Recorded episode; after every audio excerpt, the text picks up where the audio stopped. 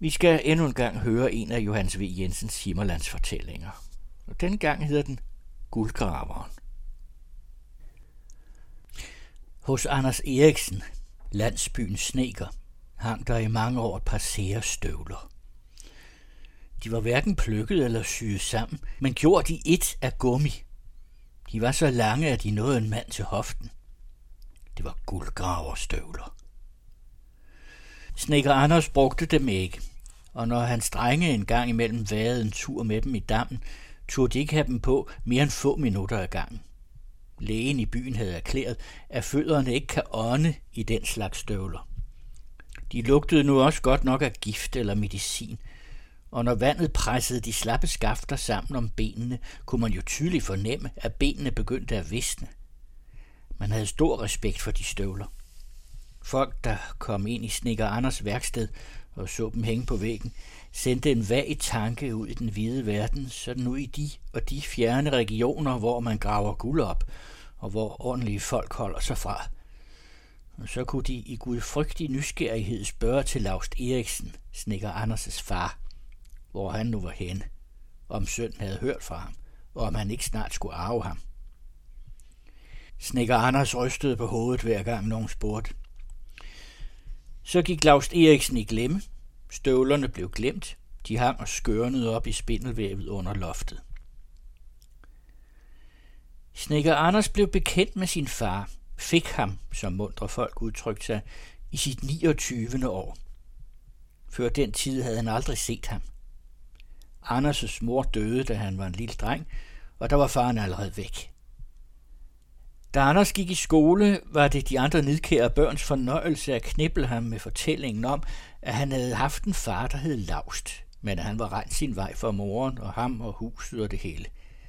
Og siden, da han var blevet voksen og ved gode menneskers bistand sat ind i et erhverv, blev det ham en vane at betale af på taknemmeligheden ved altid villigt at lytte til, når medlidende mennesker omtalte hans skarns far, der var løbet sin vej til Amerika. Anders var en tavs fyr, der var ikke ondt i ham. Han var lang og tynd, trukken i længden som selve taknemmeligheden. Han var blegfiset og smal over brystet, fornærmede ingen. Han blev kasseret som soldat. Nu lavede han likister, som for at hævne sig i dybest mulig stillhed. Han var frugtbar og fik årligt et barn med et kvindemenneske, som ingen anden havde tænkt sig at kunne røre ved. Laust Eriksen udgik som spire af et lignende menneske i sin tid. Han blev tjenestedreng, halvkal og kal, skyttede sig selv og tjente sig stærk. Lokkede så en pige i en uheldig stund og blev hængende ved hende. En ulykke kommer aldrig alene. Laust elskede pigen. Det vil sige, han tog sin fornøjelse alvorligt og valgte at bære følgerne af sin søn, hvilket er hovmodigt og ikke bliver tilgivet af godt folk, som stiller fordringer om, at alle skal være lige sjofle. Laust lod skimte følelser og blev udstødt af sin kaste. En sådan mand er en nybegynder, og som forholdene var på Laustes tid, henvistes han til heden. For de 100 ristaler Laust havde tjent sig sammen, købte han et lyngareal, og en søndag så man ham og hans topmavede kæreste tosse om på ejendommen, som fine folk, der er ude at gå spaceregang. De to var i færd med at vælge sig byggested. Til forarvelse for folk i Gråbølle valgte de et højt sted på en lyngbanke med udsigt, som om de ikke havde bedre at putte sig ned i en af de sure lavninger, hvor fattige folk med sømmelighedsfølelse sørger for at rejse deres pindehus. I løbet af vinteren samlede Laust sten og al slags gammelt træværk sammen på toppen af banken, og om foråret begyndte han enhændigt at bygge. Det blev halvt et jordhus, i det han gravede stuen ned i jorden og satte den med kampesten og tækkede over den med lyng. Ved siden af dette slot havde han den dårlige smag at rejse en flagstang. Han havde købt den på en auktion og malet den op, hvid med rød spiralstribe, og for toppen af den vejede et lille flag, midt i den øde hede, den dag de to unge flyttede ind. Det skulle han få betalt. Nu stod Laust og Mette Kirstine foran udsigten til ved 20-30 års arbejde med håndkraft alene at dyrke hedeløjen op. Det, der kunne nås, var et bolsted med to køer og en snes får i fri besiddelse. Men det lå altså en menneskealder ude i fremtiden. Forløbig havde de end ikke en kat i hytten. Lars gik på arbejde og tjente for dagløn op i Gråbølle. Det var lige, at de kunne bjerge føden. I sin fritid begyndte Laust på sit Herkulesarbejde. At brække heden med spaden. Det blev jo til ingenting. Men han ikke gav det op, irriterede folk, som ellers skulle have haft sindelag til at låne ham en plov og et par stude nu og da. Laust var trodsig, og det båder ikke en ung stodder. Gårdmændene så sig gale på ham, og de andre småkorsfolk hadede ham, fordi han isolerede sig. En nytårsnat rottede de sig sammen og forsøgte i navn af spøj at hale taget væk over hovedet på de nye folk med reb. Lars gik ud og bankede et par stykker af dem. Siden blev Mette Kirstine bortvist fra gårdene, hvor hun plejede at få mælk.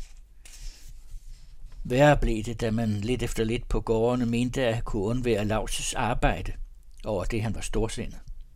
Man ville jo ikke tjekke ham til at komme og fortjene det nødvendige.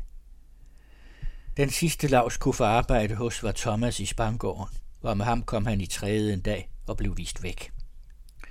Nu stod han der med sine kæmpe hænder, lukket ude og ledig.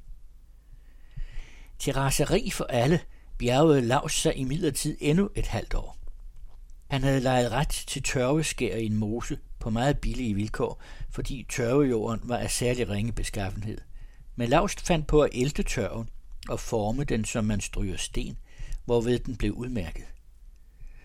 Det var et stort arbejde, men da Lav skaffede sig forbindelser i købstaden og eksporterede sine tørv dertil, tjente han ganske betydeligt.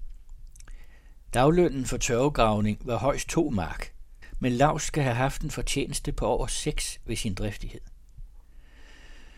Men manden, han havde lejet mosene af tålt dæk. Han anlagde proces og gjorde gældende, at Lavst kun havde ret til at grave til eget forbrug, ikke i fabriksmæssig stil. Laust tabte sagen. Vinteren efter sultede de i hytten. Der gik krøniker om det. De sultede nok, så det knasede i ribbenene på dem. Man så næsten aldrig røg for den elendige skorsten derude på udsigten. Laust kom hver 14. dag eller hver måned til Høgeren og købte et pund fedt. Hvor fik han pengene fra? Han skjulte sit eget magre ansigt i et stort mundklæde. Han gik 4-5 mil for at tjene en mark og to skilling ved tærskning. Han blev set ved et marked i et andet herred, hvor han faldbød pibekrasser af dyreben, som ingen ville købe. Ved påsketid færdedes der en mormon på egnen, og hen imod foråret var det, at Laust Eriksen forsvandt. Folk vrinskede. Mette Kirstine og drengen ligesom stod sig ved det. For nu stivnakken var af vejen, kunne de dog komme på sovnet og føle brød mellem gummerne igen – det skal nok have været en ubeskrivelig ynkelig forfatning, sovnerådet fandt dem i ude i hytten. Mette Kirstine forvandt det ikke. Hverken mad eller pleje kunne redde hende. Hun døde. Drengen blev sat ud hos nogle husfolk ved licitation og siden anbragt i snekerlæger. Han havde nedsat sig i byen og havde familie, da den mand, der var hans far, en skøn dag viste sig i landskabet igen. Diligencen satte en dag en fremmed af i krogen til lige med en jernblikskuffert. Ingen kendte ham, og han gav sig ikke selv til kende. På kufferten var der klistret en sæd, hvorpå der stod Red Star Line, og disse mærker skaffede rygtet sig forvisningen om, at manden kom fra Amerika. Men han var dansk. Han gjorde stor opsigt i byen og blev kaldt guldgraveren. Man snakkede meget om denne størrelse, der var kommet til krogen, og som forløb ikke foretog sig andet end at sidde bag bordskiven og spejde rundt på folk. Han havde et vast blik, der gjorde folk forsigtige, men så ellers ikke ondsindet ud. Hans klædedragt var fremmedagtig, nærmest tavlig. Han var ravet som andre folk, med undtagelse af en strid dusk på hagen. Han sagde ikke stort. En dag kom der en ældre mand ind, som kendte ham. Herefter vidste man – og de fleste følte sig støtte over det, at det var Laust Eriksen, som efter 29 års forløb var kommet hjem fra Amerika. Samme dag gik Laust ned og hilste på sin søn. Det var nok ikke noget videre bevæget møde. Der havde været en, der fortalte snikker Anders nyheden, for at ikke for meget skulle ske, og Anders stod ved høvlebænken. Han indstillede ikke sit arbejde, så blot hastigt op og nikkede til goddag. Laust Eriksen overså værkstedet og sin søn et minut. Så hilste han lavt. Goddag, Anders. Anders høvler med største omhu videre. Ja, jeg er jo din far. Jeg har hørt det, siger Anders hurtigt. Han ser et blink op på faren, ængstligt berørt ved det fremmede tonefald, og ved at faren siger jeg til sig. Tavshed. Laust betragtede sønnen, der gjorde sig det travlt med at bearbejde en fjæl med høvlen og trak lange vinende spåner fra den. Anders var høj og mager, med store kæber og syge øjne. Han var kalveknæet og rundrykket. Nakken var tynd som på et barn og med en grøft i. Han lignede moren. Lausts øjne spacerede til og fra ham. Tavshed. Så åbner Anders' kone døren ind til stuen, stikker et uret hoved frem, ser den fremmed og trækker sig uden et ord tilbage igen. Tavshed. Øh, hvor får du de tre fra? spørger Laust Eriksen mildt og ser op i de bunter af fjæl og planker, der ligger under loftet. Han fikserer en særlig lille hylde, hvorpå der ligger et par plader med og nogle ender af andre sorter ædeltræ, og han får våde øjne. Anders holder ind med arbejdet, følger farens blik og putter en hånd ind under skødskinnet. Han står længe i tanker. Om sider ser han på faren og har gjort sit ansigt fuldstændig tomt, for at den gamle ikke skal fatte nogen slags håb. Jeg køber det ved Svendsen i Viasund. Svarets fuldkommende tonløshed slår den gamle af marken. Han står endnu nogle minutter og hæfter øjnene på forskellige ting, tabt i tanker. Så siger han kleinmodig hen i retning af søndens ryg. Mm, ja, nå, mm, vi kan jo snakke om det, Anders. Jeg tænker, jeg slår mig til ro. Har høres et raballer uden for døren, hvor Anders' kone har stået og lyttet. Anders høvler videre og tager fjælen op for at kigge langs randen for at se, om den er lige. Jeg har gjort dig uret, siger Laust Eriksen lidt dirrende. Og da Anders ikke synes at høre efter, men står og pikker på høvljernet for at indstille det bedre, giver den gamle sig til at se roligt og forskende på ham. Endelig nikker han fattet og vender sig mod døren. Goodbye. Udenfor blev Lars Eriksen stående lidt og så op over søndens hus, målte højden af det, og han beså de to nøgne stikkelsbærbuske i haven og stokrosen ved husmuren. Så gik han hurtigt tilbage til krogen. Guldgraveren bragte en hel del liv til egnen i de følgende måneder. Ikke at han var en munter mand, tværtimod. Det var en svær ting at få blot et nej eller et ja fra ham. Men øh, der var meget underligt ved ham i mange hensener, som adspredte folk. Ingen blev nogensinde klog på ham, om han havde noget. Han var ikke flot, men derfor kunne han jo endda være en besiddende mand. Hans hænder var hærdet af groft arbejde. De kunne ikke lukkes helt op så det lå jo til, at han havde ført et slidsomt liv. Stærk som en bødel var han endnu, skønt han var hvidhåret. Efter en 14 dages tids forløb begyndte Laust Eriksen at gå på arbejde. Han viste sig god til alt slags, når man blot kunne få ham til at lade være at forbedre og marke om på alle redskaber og metoder.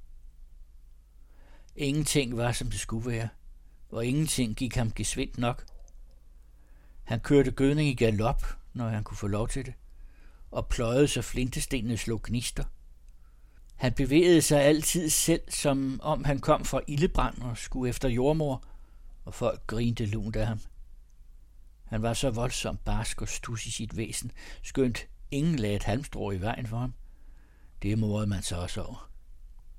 Folk efterlignede hans biske måde at svare på, og det var længe på mode at støde et, og ud mellem tænderne, når man blev spurgt om noget, og ville være vittig. Da han mærkede, at man anså ham for en særling, blev han kun mere tavs. Fornuftige folk havde imidlertid respekt for guldgraveren. Han havde lært mere i Amerika, tydeligt nok, end han lod sig mærke med. En gang skulle der fældes et stort gammelt træ i en gård, og der kom guldgraveren tilfældigvis til stede. Han fik fat i øksen, som naturligvis ikke var god nok, men så skulle man have set ham. Og han funklede af øjnene. Han gik rundt om træet og lod øksen falde mod det akkurat som en fægtekunstner, der skifter position og bruger finter. Det var mageløst at se, hvor han kunne handle en økse. Han var snil, havde lagt mærke til mangfoldige kunstigheder der, hvor han havde været. En ny måde at binde et reb på, som han indførte, blev siden stående på egnen og blev kaldt guldgraverens knude. Det var et almindeligt halstik. Han var en god jæger og skød mange villander ude på fjorden. De sagde, at han lokkede den nær ved at rappe som en and, og dette var mange folk underlige ved. Han havde et mærkeligt ur, som viste både måneder og dage i året. Ingen begreb af en klokke kunne trækkes op til at gå så længe. Da guldgraveren havde været nogle måneder hjemme, lagde han sig efter mærvelkastning. Det har for gammel tid altid været forvågne kale, der gav sig af med den håndtering. Ved en mærvelkaster forstod man en særlig hård negl. Mærvel graves på to måder, enten fra åbne grave, hvor der altid er fare for, at siderne kan skride ned, eller fra lukkede, der er de kyndige anses for sikre. Har der kun ført en smal brønd ned i jorden til mærvellejet, og kasteren står så hernede og huler sig ind til alle sider. Medhjælperen står ovenfor og vinder spanden op. Skrider sådan grav sammen er manden dernede fortabt, men det hænder ikke så ofte. Mærvelaget findes ved at to mænd, der arbejder sammen og har forstand på det, går omkring og borer i jorden med en lang smækker jernstang, der har gevinder i spidsen. Alt, hvad der sætter sig fast deri, undersøges ved, at man drypper skidevand derpå. Hvis det koger, er det mærvel. Guldgraveren arbejdede først på akkord for forskellige. Han blev snart en søgt mand og tjente store penge. Han var hensynsløs, regnede ikke livsfare for noget, og han var så stor en slider, at han kunne beskæftige to mænd oven for graven, en ved spilbommen og en til at trille fra. Laust kvikkede op, når han var kommet i gang med dette her. Han fandt sit felt, lod det til. Grave måtte denne mand. Men længe var det jo ikke, inden eventyren i ham fik magten. Han skulle vise sig driftigere end andre folk, naturligvis, og gik i kompani med tre store svenskere for løbende drukkenbolde om at anlægge et ligefrem mærvelgraveri. De købte et mærvelleje og arbejdede først en måneds tid på almindelig vis, sled som jætter. Allerede i solopgangen kunne man se de vældige drabanter fortone sig i togen ude på heden og høre kæden rasle fra bommen. De var i et mærvl og klæ over hele kroppen, når de viste sig i byen, og slog til side med alle deres penge. De lammede folk ved praleri, øsselhed og svoglede gudsbespottelser. Men det tog jo også en gal ende. Guldgraveren kendte ingen måde. Han lod et lokomobil køre fem mil ud fra købstaden og stille op. Og nu begynder de fire kroppe at trille mærvel op i tipvogne på spor – der var ingen gudsfrygt i de kale. De savnede en anden ens blufærdighed over for alt nymodens værkeri. Få folk kunne lide at se det pulse og røge til enhver tid fra det grimme jernrør derude på heden. Man kunne godt blive sygelig i tanken ved at se den sorte røg og fornemme den kullede lugt, for de kunne lade være med den slags frækhed, selvom ikke den slemme var med i spillet. Så var det også for vågen, som de kørte med maskineriet. Man kunne ikke se egerne på hjulet, så den rullede rundt. Sæt det sprang i stykker.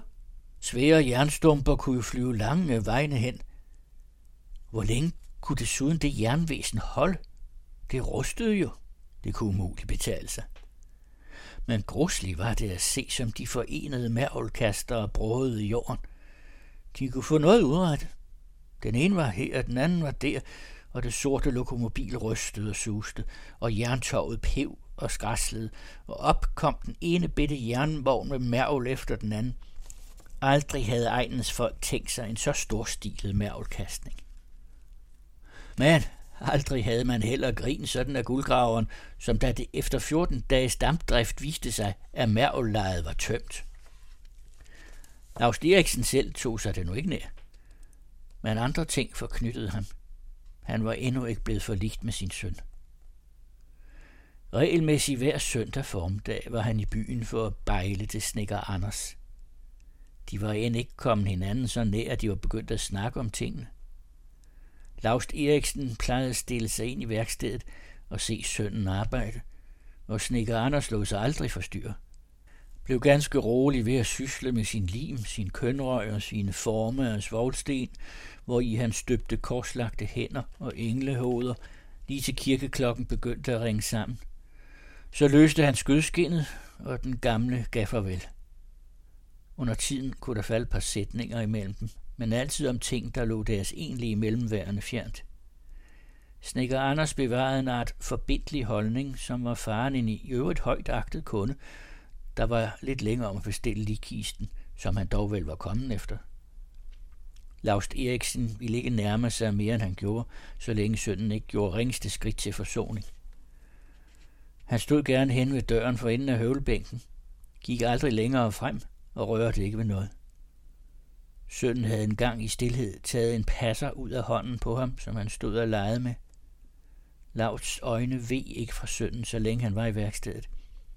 Det kunne hende, at han stak en føler ud ved at forhøre sig om konens tilstand, eller ved ærligt at spørge til Anders' sprogskade, men Anders reflekterede aldrig på tilnærmelsen. En søndag lagde den gamle, som i tanker, et pund chokolade på høvlebænken. Næste søndag lå det urørt på samme sted. Der kom et gys over lavst, da han så pakken ligge der. Søndagen efter lå den der fremdeles, og den dag hæflede den gamle den til sig og tog den med sig igen. Der blev ikke talt et ord de tre søndage. For en mand som Snikker Anders, der var bonde selv og kendte bønders måde at skjule alting på, var det jo let at se, hvad faren ønskede, og det var let at gennemskue hans kolde væsen. Han ville erhverve en ringsmule venlighed på sine gamle dage. Han ville have sin dreng igen. Det var alt, hvad guldgraveren ønskede. Men Snikker Anders så ingen grund til venlig imødekommenhed. Ikke at han personligt bare nag til faren, fordi han i sin tid var rømt fra ham og moren, for det kunne han ikke huske noget om. Og Snikker Anders besad overhovedet ikke driften, der sætter sig op mod uret. Muligvis var det for det bedste. Faren havde en dag lavet et ord falde i den retning, som kunne have rimelighed. Der var mening i at søge lykken i udlandet, og den blev en forbudt hjemme. Laust Eriksen behøvede jo ikke at have haft i sinde at forlade kone og børn for stedse. Det kunne jo have været hans hensigt at rejse ud og hente både penge og velstand hjem til dem, når det måtte gå ham godt. Hvad den side af sagen angik, lod det sig vel gøre at nå til forståelse. Men Snikker Anders ventede og havde tid til at vente på, at den gamle skulle åbne sig med hensyn til, hvordan han kom tilbage, om han kom for at lægge til byrde, eller hvordan. Laust Eriksen ville i midlertid sidst af alt røre ved dette spørgsmål. Han havde rimeligvis en slags instinkt, der rådede ham til at prøve sønnen ved at tige det om. Men således gik det til, at de aldrig en eneste gang kom virkelig i snak om tingene. Guldgraveren, der var en bumstærk og ukulig slider til hverdag, lignede en gammel mand hver søndag, når han med lang skridt nærmede sig snekerhuset. Han var da ikke i sit sære amerikanske arbejdstøj, hvor bluser og bukser gik i et, men havde blå trøje med blanke knapper på og krøs i brystet. Han kom præcis ved nitiden, og folk så ham lige så regelmæssigt forlade søndens hus kl. 10, når de gik til kirke. Laust kom ikke der. Han gik altid lige hjem i sit logi, hvor han nu holdt til. Folk, der mødte ham, hørte ham gå og snakke med sig selv, mens han stirrede ned i vejen, så forstod ingen ham, for det var engelsk, han talte med sig selv. Han blev en soundfigur i det år, han var på egen. Ingen kom ham nær. Men Laust Eriksen, der havde tilegnet sig et barsk og kort væsen derude i det fremmede, gemte mere mildhed og varme end bønderfolk i almindelighed. Det viste sig den punktlighed og den troskab, hvormed han søndag efter søndag indfandt sig i byen og dukkede ind i det lille værksted, hvor den lange, svage kistesnikker stod og høvlede, og vendte sin slunkne bukse bag imod ham og tav imod ham, som om han var luft. Når da guldgraveren stod der stille, så sønnen næsten glemt ham, kom han til at se så ensom ud i sit hårde ansigt. Han så sig så langeligt om, den gamle helt befarne, og gned knoerne lidt forkommet i hinanden. Skulle der ikke kunne blive en fredet krog til ham her? Skulle ikke et eneste par øjne møde hans uden svig, nu når han blev gammel? Inde i stuen havde han ikke været, men hver gang døren ind til lejligheden stod på klem, kiggede den gamle derind og holdt sig muse stille. Han så da Anders' sure og højmavede kone gå og sætte de evige kartofler over ilden og klø sig i skildningen med en finger og ruske og tørre sine små rollinger, der altid synes at fugtige i en eller anden ende. Klokken derinde i den lille stue dækkede uhyreværdigt. Inde på kommoden stod et fotografi i ramme ved siden af en porcelænshund, og guldgraveren tænkte sig altid, at det kunne være af den døde, moren, hans kæreste og kone, som han havde forladt. Han kunne ikke flytte sig frem og gå ind og se ad. Han havde ikke fået lov. Sådan søndag morgen, da guldgraveren som sædvanlig indfandt sig i snekerhuset, var Anders ikke i værkstedet. Derimod hørte Laust sin søn sidde inde i stuen og snakke sagte med børnene, som snart lå og snart flæbede, og hvis små skridt lød på gulvet. Døren var lukket. Guldgraveren stod et kvarter alene ude i værkstedet på sin plads og så sig om på alle de fattige og slitte småting, som sønnen gik der til daglig og puslede med. Han hørte vuggegængen derinde i den lille stue på det sandede gulv. Døren var lukket. Guldgraveren flyttede en fod en gang imellem, for at sønnen skulle vide, at han var kommet. Han hostede lidt nu og da for at blive hørt. Men døren var lukket, og den blev ikke åbnet. Nå, så skrubbede den gamle af. Næste dag kom der bud med et par støvler og et stort, tykt brev til Snikker Anders. Det var disse her lange guldgraverstøvler, som Laust havde stået i mærvelgraven med. I brevet stod der ingenting, men øh, det indeholdt 50 110 kronesedler. Se, hvad var nu det for en maner at sende så mange penge i almindelig konvolut? Folk snakkede siden om det. Den slags uforsigtighed var jo næsten strafbar. Men sådan var guldgraveren i alle forhold, fremfusende og uden tanke for skæbnes svang og følger. Folk blev ved med at more sig over hans mærvelkastning, hans fabrik, længe efter han var rejst. Hvad havde ikke det lokomobil slugt af penge?